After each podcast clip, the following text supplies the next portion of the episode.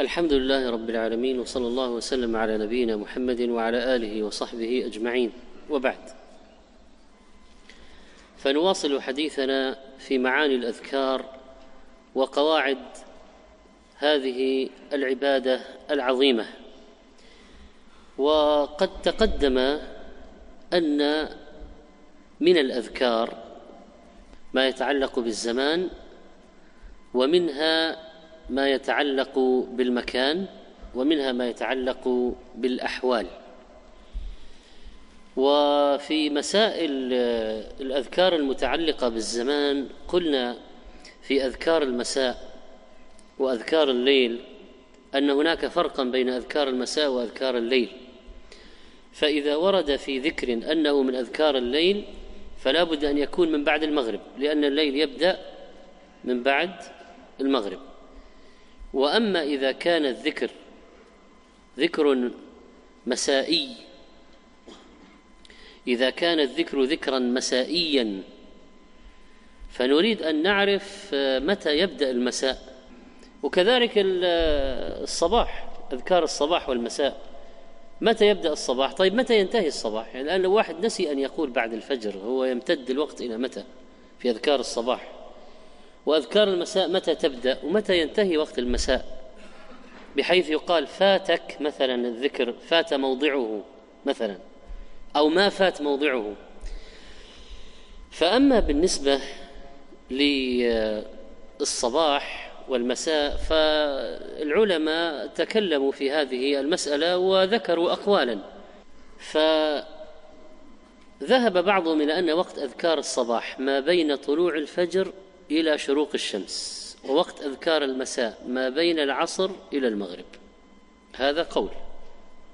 ما بين طلوع الفجر إلى طلوع الشمس هذه أذكار الصباح ومن العصر إلى المغرب هذه أذكار المساء. اختار هذا القول شيخ الإسلام تيمية رحمه الله وتلميذه ابن القيم كما في الوابل الصيب حيث قال الفصل الأول في ذكر طرفي النهار وهما ما بين الصبح وطلوع الشمس وما بين العصر والغروب واستدل بقوله تعالى يا أيها الذين آمنوا اذكروا الله ذكرا كثيرا وسبحوه بكرة واصيلا.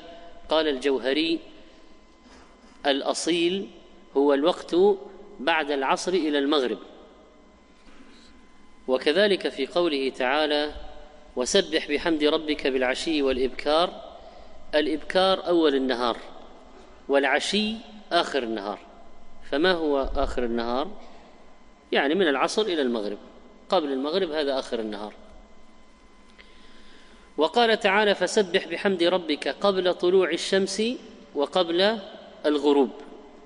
قال ابن القيم في هذه الآيات وهذا تفسير ما جاء في الأحاديث من قال كذا وكذا حين يصبح وحين يمسي أن المراد به قبل طلوع الشمس وقبل غروبها وأن محل هذه الأذكار بعد الصبح وبعد العصر. هذا قول وعرفنا أدلته. ومن أهل العلم من قال وقت أذكار الصباح من الفجر إلى الزوال.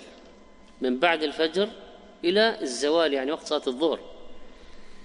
ووقت أذكار المساء من زوال الشمس من دخول وقت صلاة الظهر إلى غروب الشمس. هذا المساء.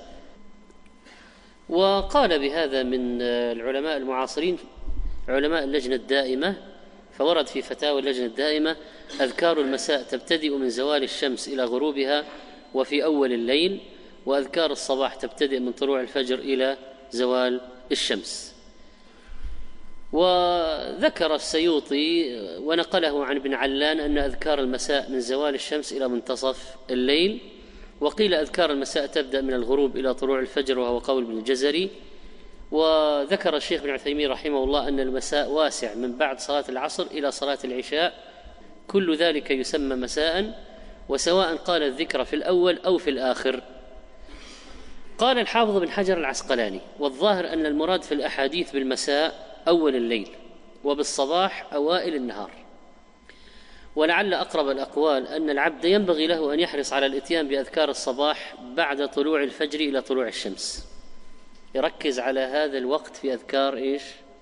الصباح. من بعد طلوع الفجر إلى طلوع الشمس. فإن فاته فلا بأس أن يأتي به إلى نهاية وقت الضحى. ومتى ينتهي وقت الضحى؟ قبيل الظهر بقليل. يعني قبل صلاة الظهر قبل أذان الظهر بربع ساعة تقريبا ينتهي وقت صلاة الضحى. فلو فاتتك أذكار الصباح من بعد الفجر إلى طلوع الشمس فاذكرها بعد طلوع الشمس إلى قبيل الظهر قبيل الزوال. وأن يأتي بأذكار المساء من بعد العصر إلى المغرب. فإن فاته فلا بأس أن يذكره إلى ثلث الليل. والدليل على هذا التفضيل ما ورد في القرآن من الحث على الذكر في البكور وهو أول الصباح والعشي وهو ما بين العصر إلى المغرب. قال الحافظ بن حجر رحمه الله عن أذكار الصباح الظاهر أنه لو قال أثناء النهار يعني أنها أنه لا ينطبق الحديث يعني في عليها في أذكار الصباح ولكن عظيم بركة الذكر يقتضي الحصول. وعن أذكار المساء قال الظاهر أنه لو قال في أثناء الليل يعني لا ينطبق عليه الحديث لأن المساء من بين العصر والمغرب لكن عظيم بركة الذكر يقتضي الحصول. فلو فاتتك أذكار المساء وجاء المغرب قلها بعد المغرب إلى ثلث الليل. وقد ورد عن النبي صلى الله عليه وسلم أنه قال لأن أقعد مع قوم يذكرون الله تعالى من صلاة الغداة حتى تطلع الشمس أحب إلي من أن أعتق أربعة من ولد إسماعيل. ولأن أقعد مع قوم يذكرون الله من صلاة العصر إلى أن تغرب الشمس أحب إلي من أن أعتق أربعة وحسنه الألباني. ولعل من المناسبة في قول الأذكار بعد صلاة الصبح إلى طلوع الشمس وبعد صلاة العصر إلى غروب الشمس أن هذين الوقتين من أوقات النهي عن الصلاة.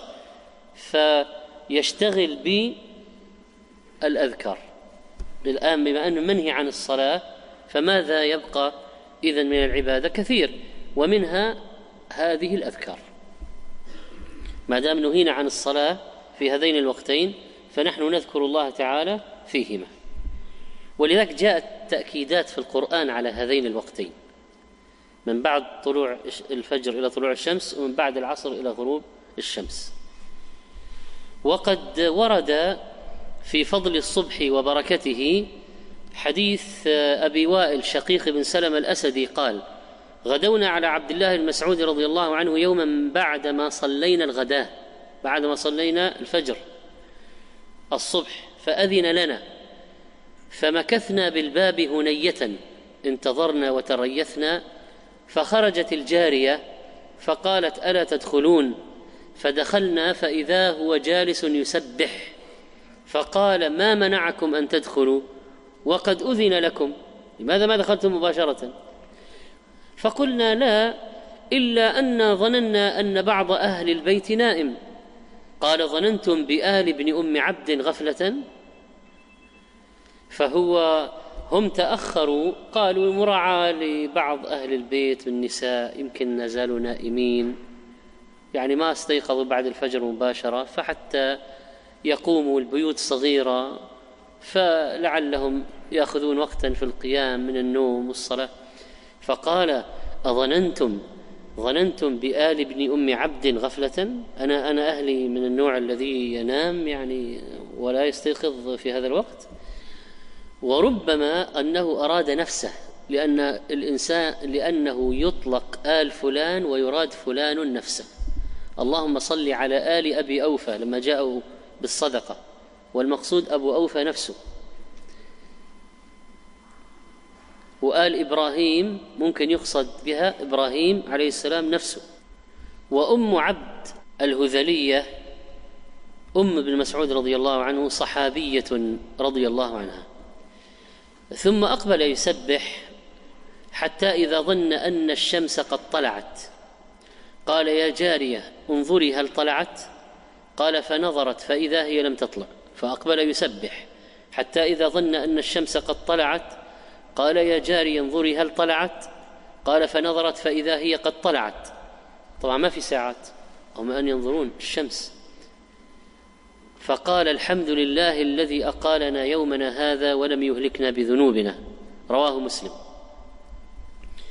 هذا الأثر يعطينا صورة واضحة عن تلك الحياة الجادة والهمة العالية واستثمار الوقت الذي كان عليه سلفنا الصالح وعلى رأسهم صحابة رسول الله صلى الله عليه وسلم بعد نبيهم وفقهم بفضائل هذه الأوقات وإعطائها حقها. وهذا الوقت الذي دخل فيه أبو وائل رحمه الله ومن معه على عبد الله بن مسعود رضي الله عنه وقت مبارك وثمين للغاية وهو وقت ذكر لله ونشاط وهمة في الخير. وإن كان أكثر الناس الآن يهملونه وينامون بعد الفجر ولا يذكرون الله إلى طلوع الشمس ينامون ينامون ولا يعرفون لهذا الوقت قدره. والمحافظة على الذكر في هذا الوقت يعني بعد طلوع الفجر إلى طلوع الشمس يعطي الذاكر قوة طيلة النهار وطيلة اليوم. وهذا الزاد كما قال ابن القيم حضرت شيخ الإسلام تيمية مرة في بعد صلاة الفجر ثم جلس ابن تيمية مرة صلى الفجر ثم جلس يذكر الله تعالى إلى قريب من انتصاف النهار. ثم التفت إلي وقال هذه غدوتي. ولو لم أتغدى هذا الغداء سقطت قوتي أو كلاما قريبا من هذا. ولذلك كان السلف رحمهم الله يكرهون النوم في هذا الوقت. ويقول ابن القيم ومن المكروه عندهم أي عند السلف النوم بعد صلاة الصبح إلى طلوع الشمس فإنه وقت غنيمة. وللسير في ذلك الوقت عند السالكين مزية عظيمة. حتى لو ساروا طيلة ليلهم يعني طيلة الليل قيام لم يسمحوا بالقعود عن السير ذلكم الوقت حتى تطلع الشمس. فإنه أول النهار ومفتاحه. ووقت نزول الأرزاق هذا الوقت بعد الفجر إلى طلوع الشمس. ووقت نزول الأرزاق وحصول القسم وحلول البركة ومنه ينشأ النهار وينسحب حكم جميعه على حكم تلك الحصة. فينبغي أن يكون نومها كنوم المضطر. يعني ممكن يكون سبب نجاحك طيله النهار وسبب رزقك طيله النهار وسبب البركة والخير طيلة النهار من وراء إحياء هذا الوقت الذي ينشأ منه النهار والذكر ما بعد الفجر إلى طلوع الشمس. طبعا مع الأسف الناس الآن أكثرهم في هذا الوقت نائم. وأنت لو أنك تخللت الأحياء بسيارتك. في هذا الوقت الناس نيام. نيام. وصلاة الفجر طبعا في المسجد كثير منهم لا يشهدها. الناس الآن كلهم رجعوا من الأعمال كلهم موجودون في البيوت. كل الناس الآن موجودين في البيوت. سياراتهم شاهدة على ذلك. كل واحد سيارته تحت العمارة وتحت البيت. ومع ذلك صلاة الفجر عد. بالنسبة لما في البيوت نسبه لا تذكر. وهذا الوقت العظيم اللي فيه البركة وتقسيم الأرزاق يذهب عليهم. بعدين يقول ما كفى الراتب؟ طيب. قال ابن القيم رحمه الله في زاد المعاد ونوم الصبحة يمنع الرزق لأن ذلك وقت تطلب فيه الخليقة أرزاقها وهو وقت قسمة الأرزاق فنومه حرمان إلا لعارض أو ضرورة. ذكرنا في معاني الأذكار بعض ما يتعلق بالصلاة قبل الصلاة وأثناء الصلاة وبعد الصلاة.